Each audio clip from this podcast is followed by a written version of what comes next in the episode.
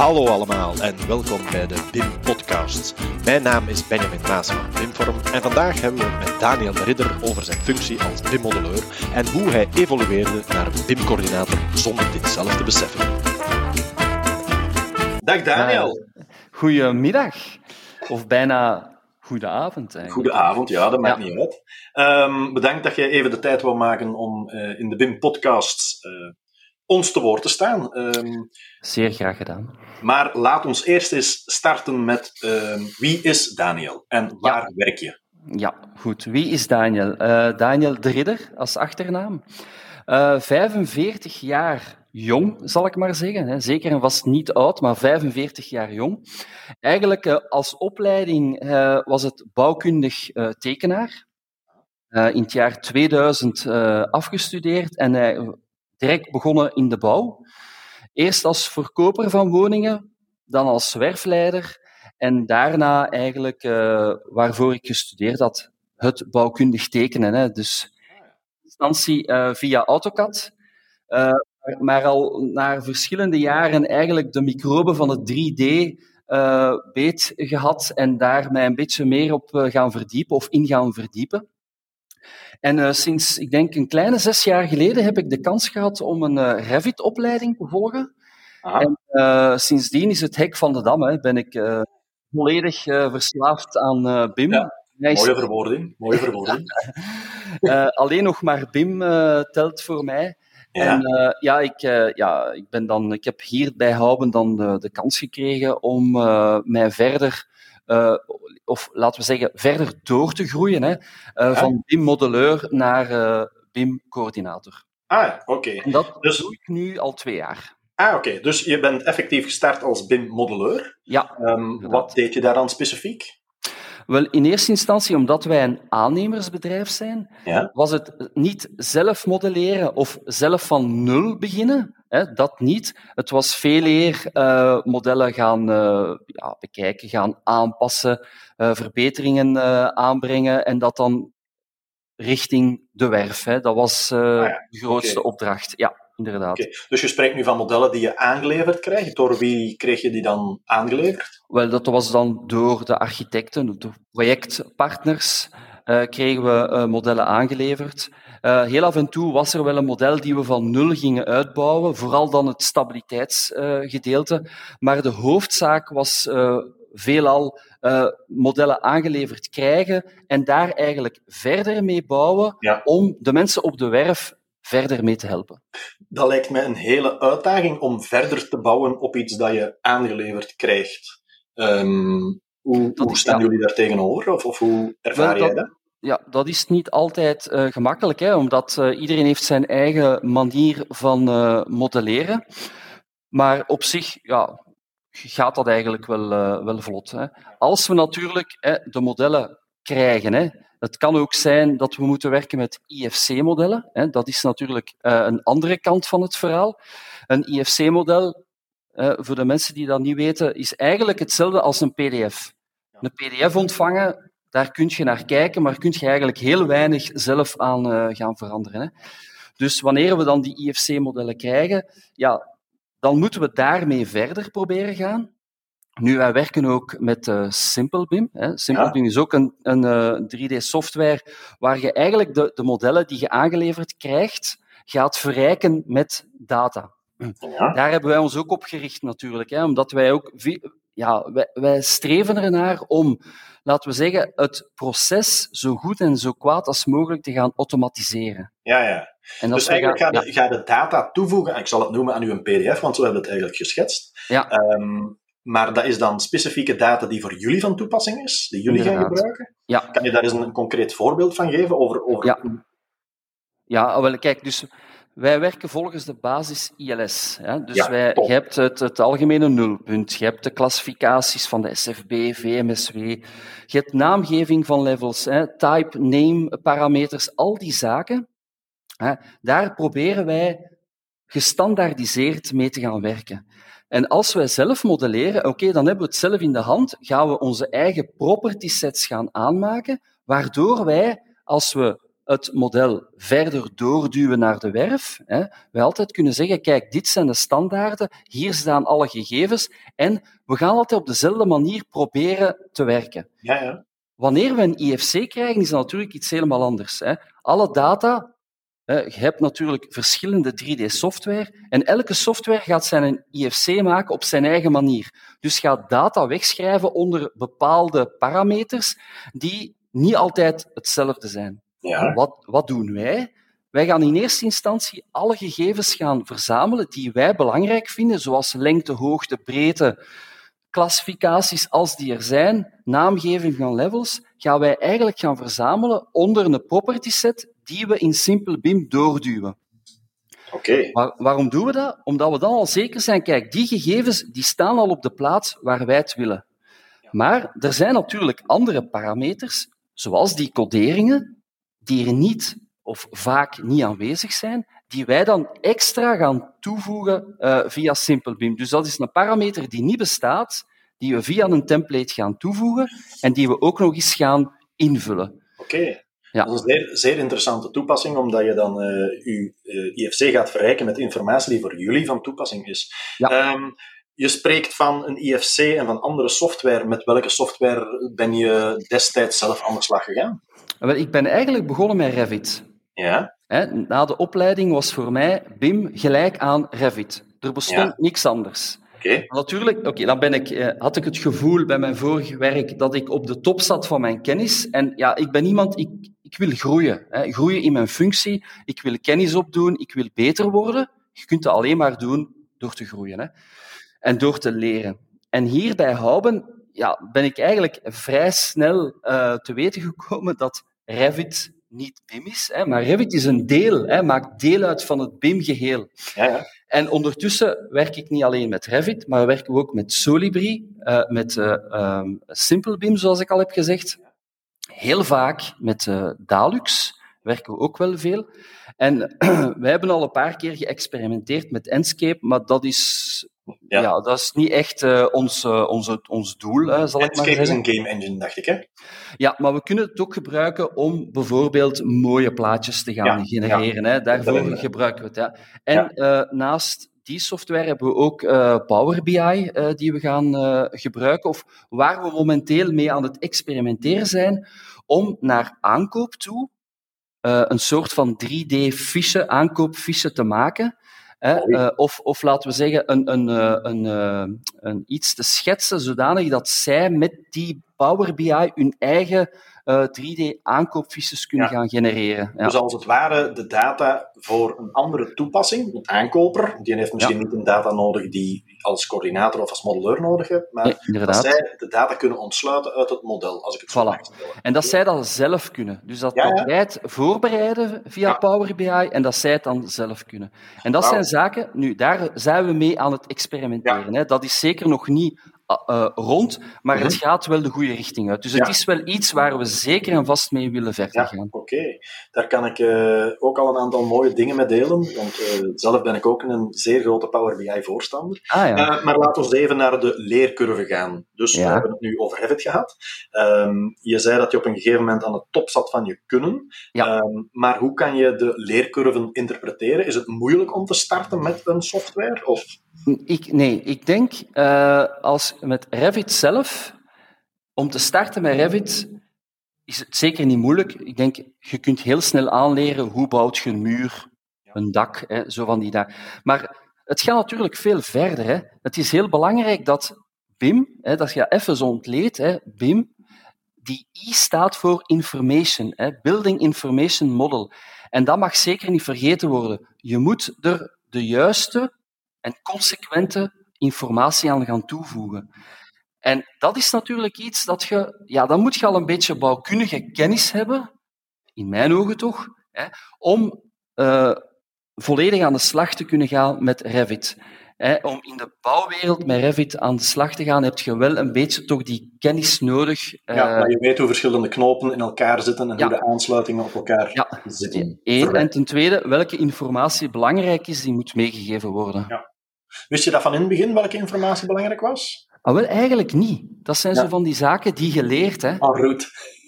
Ja, allee, dat, dat is gewoon, ah, zoals gezegd, hè, en route. Hè. Je, je leert eerst werken met Revit. Oké, je, je hebt dat in, in de vingers. En dan begint je te beseffen, ah ja, die informatie, ja, die is precies belangrijk, die is belangrijk. Hè? Ja, en, en, zo, en zo groeit dat. Hè? En, en ja, dat, is, ja, dat is natuurlijk belangrijk, dat groeiproces. Hè? Ja, oké. Ehm, Daniel, we hebben ook al een, een, misverstand de wereld uitgeholpen, en dat is dat Revit geen BIM is. Ja. Uh, dat vind ik een zeer goede duiding. Um, ja.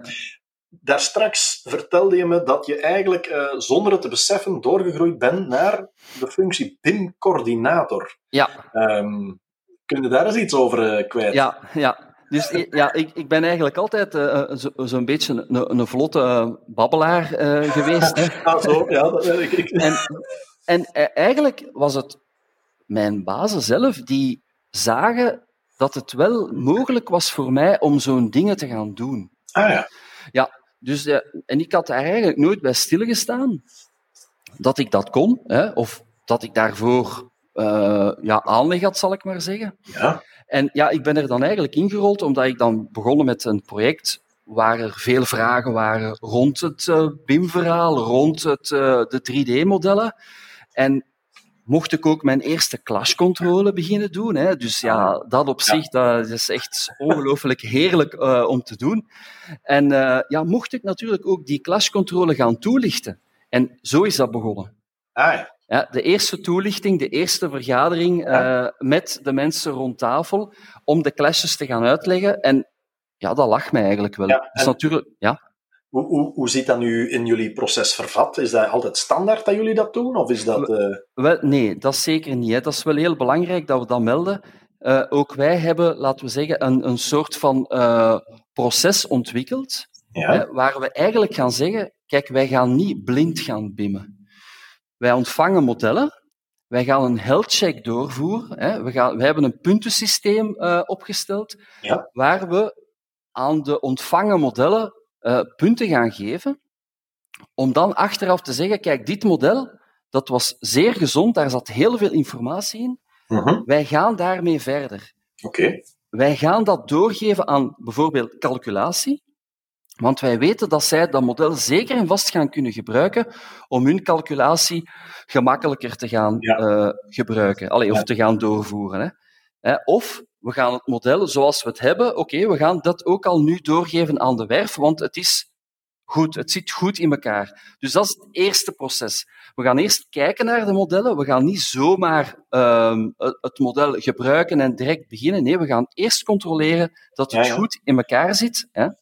Ma- Mag ik dan stellen ehm, dat het ontvangen modellen zijn waar er geen afspraken voordien zijn gemaakt? Of? Ja, dat is natuurlijk, eh, als aannemer heb je soms, eh, of meestal, hè, het ongeluk, zal ik maar zeggen, dat je Ja. laatste in de lijn bent. Ja, Bij een design en beeld is dat Ja. anders. Hè. Dan kunnen we echt zeggen van in het begin, kijk, hier is ons protocol, hier is ons uitvoeringsplan.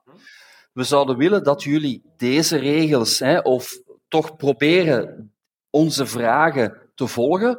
Zijn er daar vragen rond? Geen probleem, hè, dan zitten we samen en proberen we die zaken op te lossen. Dus dat is de ideale manier om samen te werken. Maar natuurlijk, meestal bij een gewone aanbesteding komen wij als laatste aan bod en zijn wij afhankelijk van hoe het modelleerwerk is gebeurd ervoor. Vandaar dat het zo belangrijk is dat wij die een health check doen. Omdat wij al vaak hebben ondervonden, in eerste instantie, codering. Dat is iets dat in België heel moeilijk te standaardiseren is. Ja. Iedereen gebruikt zijn eigen codering. Nochtans, er zijn voldoende hè, mogel- eh, voorbeelden, zoals de BERS, hè, de Belgische Revit-standaard. De SFB-codering, dat zijn allemaal zaken die niet te ingewikkeld zijn, die, ja, als die juist en correct geïmplementeerd worden, het werk voor ons al veel gemakkelijker maken. Ja, ja, ja, ja. Van, vandaar eigenlijk dat wij die health check doorvoeren om zeker te zijn van, kijk, dit model, daar gaan we mee verder kunnen. En andere modellen, ja, moeten we spijtig genoeg zeggen, ja, sorry, maar daar Ja, ja. kunnen we echt niks mee. Misschien, misschien een, een, een rare vraag, of, of allee, ook, ook niet. Ehm, in zo'n een, een, een aanbesteding dat jullie een model aanvragen, hè, zal ik het zeggen, Ja, ehm, staan mensen of bedrijven te popelen om hun model te delen? Of is daar nog wat, want, ja. zijn ze daar wantrouwig tegenover? Ja, dat is, dat is nu het volgende, hè. die wantrouwigheid. Hè. Want die blijft wel. Hè. Ja, dat is ook zoiets. Hè. Uh, dus we zouden moeten leven hè, in een open BIM-omgeving. Open BIM, iedereen deelt alles met iedereen. Hè. Oké, er zijn natuurlijk processen waarvan je zegt van ja, dit gaan we niet zomaar delen. Hè. Maar laten we zeggen, de informatie, de basis-ILS, de, de uh, informatieleveringsstandaard, die zou door iedereen moeten volledig kunnen gedeeld worden. Oké. En dat zien we nu nog, dat dat, dat is moeilijk, hè. Ja. Het, het is moeilijk. Hè. Ja, we, we, we lopen daar vaak tegenaan, hè, dat, dat we echt modellen krijgen waar heel weinig uh, informatie in zit en ja, waar we dan zelf mee aan de slag moeten gaan als de tijd er is om dat te kunnen doen. Hè. Ja, ja. Maar ja, het zou van, van, ja, van begin uit moeten kunnen beter zijn. En, en ja, ik heb vaak de indruk dat die I van BIM dat die nog uh, achterwege gelaten wordt. Ja, oké. Goed inzicht. Um, wat betreft de coördinatie, je sprak daar straks over clashcontrole. Um, ja. Op wat clash jullie standaard? Ja, dus sowieso hè, de basisclashes, hè, laten we zeggen een kolom in een balk, hè, dus de intersecties, hè, ja. dat, is, dat is natuurlijk basis. Maar daarnaast hebben we natuurlijk ook hè, wat ze noemen de doublures. Hè. Je hebt ook vaak uh, elementen die dubbel voorkomen. Natuurlijk heel belangrijk dat we die van in het begin eruit halen, hè, want anders gaat uh, uh, op het calculatiegedeelte wanneer zij van ons een ITO of een, een, een meetstaatje vragen die uit, de, uh, uit Solibri komt, ja, dan moeten we natuurlijk zeker zijn dat daar geen dubbele elementen in zitten. Ja, ja. Even, dus, wacht, misschien voor onze luister, luisteraars, een ITO, dat is een afkorting, staat voor? Uh, dus Information Takeoff. Ah, oké, okay. goed. Dat is al verduidelijk. Dank u. Ja, ja, ja. Dus we gaan eigenlijk, eigenlijk is een ITO gelijk aan een meetstaat. Hè. We gaan een meetstaat genereren uh, in, uh, ITO is gebruikt in Solibri, hè, of wordt gebruikt in Solibri. Dus we gaan via Solibri een meetstaatje genereren op vraag van calculatie, of van de werf, of van aankoop. Dat mhm. kan hè, allemaal. Uh, ja. En dan moet het natuurlijk wel, ja, zeker, dan moeten wij zeker zijn dat daar geen dubbele elementen in ja, zitten. Okay. Dus vandaar de intersecties en de doublures, dat zijn de, de basiscontroles. Daarnaast natuurlijk controle op ja, zijn type en naamgeving, hè, die parameters, zijn die ingevuld? Ja. Zijn die consequent ingevuld? Zijn die duidelijk? Kunnen we daar verder mee? Hè? Klassificaties, al die zaken. Hè? De, is, zijn alle elementen, hebben die een codering meegekregen? Is het SFB, is het VMSW, is het een ander? Is het zo, is het niet zo? Hè? Dat zijn allemaal zaken de controle, waar... De controle ja, van de I. Dat we... De controle ja, van de I. Ja, okay. Dat is een hele belangrijke. Dus nu hebben we het, het puntje BIM-modeleur, BIM-coördinator al aangereikt. Um, hoe, gaan, hoe gaan jullie bedrijfsbreed ermee om? Want jullie hebben verschillende diensten. Je sprak al van wij leveren informatie aan. Hoe wordt er bedrijfsbreed behouden mee omgegaan? Uh, wel, dus wij hebben een BIM-team, ja. zal ik maar zeggen. Hè. Die bestaat uit verschillende uh, BIM-modelleurs en uh, coördinatoren. Hè. En op die manier gaan wij eigenlijk, hè, dus via, via of binnen het BIM-team, gaan wij alle andere uh, mensen proberen aan te sturen ja. met informatie. Ja. Dat is eigenlijk het belangrijkste. Ja. Waar lag daar de, de moeilijkste, of waar lag daar een moeilijkheid? Wel, de moeilijkheid ligt daar nog altijd aan de modellen. Ja. Uh, het probleem, uh, ook hier nog altijd in België, is dat er, als we spreken over Revit, dat er heel vaak wordt gemodelleerd met samengestelde elementen. Ja. Uh, die samengestelde elementen, wanneer je zelf modelleert met samengestelde elementen, geen enkel probleem. Je doet een material take-off binnen Revit en je hebt je waardes. Hè? Geen enkel probleem. Je hebt, laten we zeggen, de codering van de verschillende elementen. Maar wat gebeurt er als we een IFC toegestuurd krijgen die gemaakt is in, in, uh, in Revit? En die ook gemaakt is met samengestelde elementen. Ja, dan hebben wij een probleem, want wij zijn daar niks mee. Oké. Okay. Dus dat is de grootste moeilijkheid waar we op dit moment ja, ja. mee te maken hebben. Het feit dat enerzijds de codering niet is toegepast, waardoor we de link niet kunnen leggen tussen de meetstaat, de 2D-meetstaat en het model, heel belangrijk voor calculatie. Maar daarnaast, want je zou nu zeggen, oké, okay, de link is niet gelegd, oké, okay, we gaan naar SimpleBIM en we gaan die link wel leggen. Zelf leggen. Ja, we, gaan, hem zelf leggen. Een extra stap doen, oké. Ja, we gaan een extra stap doen. Ja. Maar... Ja. Nee, ah, zeg maar, zeg maar. Maar het andere probleem is, wanneer wij samengestelde elementen hebben in dat IFC-model, ja, dan heeft het geen zin om eerst naar SimpleBIM te gaan en, en daar een verrijking te doen, want je zit nog altijd met een hele hoop samengestelde elementen waar wij geen informatie uithalen. Ja, oké. Zeg, en misschien nog een vraagje over uh, de interne werking. voorzien jullie opleidingstrajecten met het BIM-team voor uh, de verschillende partijen intern? Ja, ja zeker en vast. Hè. Dus uh, als er iemand zou beginnen die nood heeft aan een opleiding, ja? dan, dan, geven, dan zorgen wij ervoor dat die persoon opleiding kan krijgen. Dat doen jullie zelf? Ja, ja, ja. oké, laten we zeggen, de opleiding gebeurt door externe. Hè, ja. Maar we kunnen ook, stel nu dat het over kleine zaken gaat, dan kunnen wij, of dan geven wij zelf ook wel uh, opleidingen. Ja, um, zijn jullie al zover dat jullie modellen naar de werf overbrengen? Um, ja, ja, zeker. Hè. Ja. Dus uh, naast de clashcontrole die we daar juist hadden gehad, hè, de intersecties en de doublures, wat doen wij ook natuurlijk als aannemer? Wij gaan modellen klaarstomen om door te sturen naar leveranciers. Ja, oké. Dat doen wij ook. Hè. Leverancier levert dan zijn of hun IFC-model terug, waar, mhm. waar wij dan mee een clashcontrole gaan doen. Dat zijn ook zo van die zaken die we doen. Dus we maken IFC, uh, ja, we gaan IFC's maken die niet alleen voor de werf zijn, voor de werf voor de visualisatie van het gehele project, hè, één, maar ook uh, doorgestuurd worden naar de leveranciers, zodanig dat ook die mensen uh hun 3D-modellen, als ze werken in 3D, hè, hun 3D-modellen kunnen maken op basis van die IFC-modellen, kunnen terugsturen naar ons, kunnen dan doen wij de clashcontrole en dan gaan we natuurlijk verder met de communicatie. Ja, ja oké. En op de werf gebruiken ze dan, als ik het mij voorstel, een iPad of worden er nog plannen gegenereerd dan van het gecoördineerde dus model? Nee, er worden inderdaad nog plannen gegenereerd hè, van het model. Dus wij zijn nu ook in volle ontwikkeling met Dalux, omdat wij uh, er naar streven om op, op de werven iedereen met Dalux te laten ah, ja. Dat is een proces dat we in gang hebben gezet. Hè. Dat is nu dat is gestart. We zijn daarmee begonnen. Uh, er, zijn verschillende, er zijn al een paar werven waar Dalux wordt gebruikt, maar zeker nog niet overal. Hè. Dus ook daar proberen we weer naar standaardisatie te gaan, naar, naar laten we zeggen, automatisering hè, via templates. Hè. Dus, maar dat is een, een eh, proces, uh, ja, ja, een ongoing uh, proces. Je ontvangt al wel goede feedback dan? Of, of? Ja, ja, ja. We zijn, allee, ik, ik ben ongelooflijk tevreden van Dalux. Hè. Dat is echt ongelooflijke software die ik heel graag gebruik. We zijn onlangs zelf nog naar een werf geweest van ons waar we eigenlijk de augmented reality functie, hè, die nu al in de Dalux app zit, om die te gaan toepassen.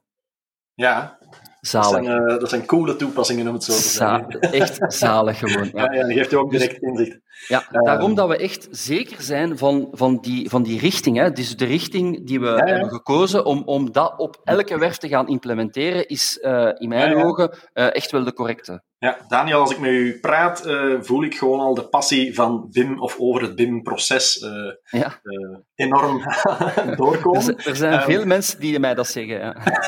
Is het waar? Ja. Um, ze hebben gelijk. Um, we zijn bijna aan het einde van onze podcast. natuurlijk rest mij nog altijd de vraag om u een. Ja, ik vraag al mijn gasten om een ultieme tip te delen met ons. wat zou uw tip zijn voor onze luisteraars in België, Nederland? In, België. Wel, kijk, als je van plan bent om met BIM te werken, kijk dan goed naar alles wat te maken heeft met standaardisatie. Dat is echt heel belangrijk. Er zijn voldoende uh, manieren om gestandaardiseerd en gestructureerd te werken met BIM. Probeer niet zelf iets uit te vinden, maar ga op zoek naar die zaken die het proces eigenlijk gaan vergemakkelijken. Dan spreek ik over de SFB-codering. Dat is een hele belangrijke. Maar ook de BERS, de Belgische Revit-standaard. Dus ook een hele belangrijke voor het, voor het model eigenlijk leesbaar te maken en werkbaar te maken. Ja, dus sluit je aan bij een gangbare standaard die momenteel al op de markt is. Ja, Inderdaad. Ja. Goed, in orde. Daniel, enorm bedankt voor uw tijd en voor de inzichten die je ons hebt verschaft. Ik vond het in ieder geval zeer interessant. Ik ook eigenlijk. Ja. Daniel, bedankt en uh, we spreken elkaar nog. Oké, okay, is goed. Dag. Dag. Dit was de podcast voor deze week. Ik hoop dat jullie geïnspireerd en geïnformeerd zijn met wat BIM voor jullie kan betekenen.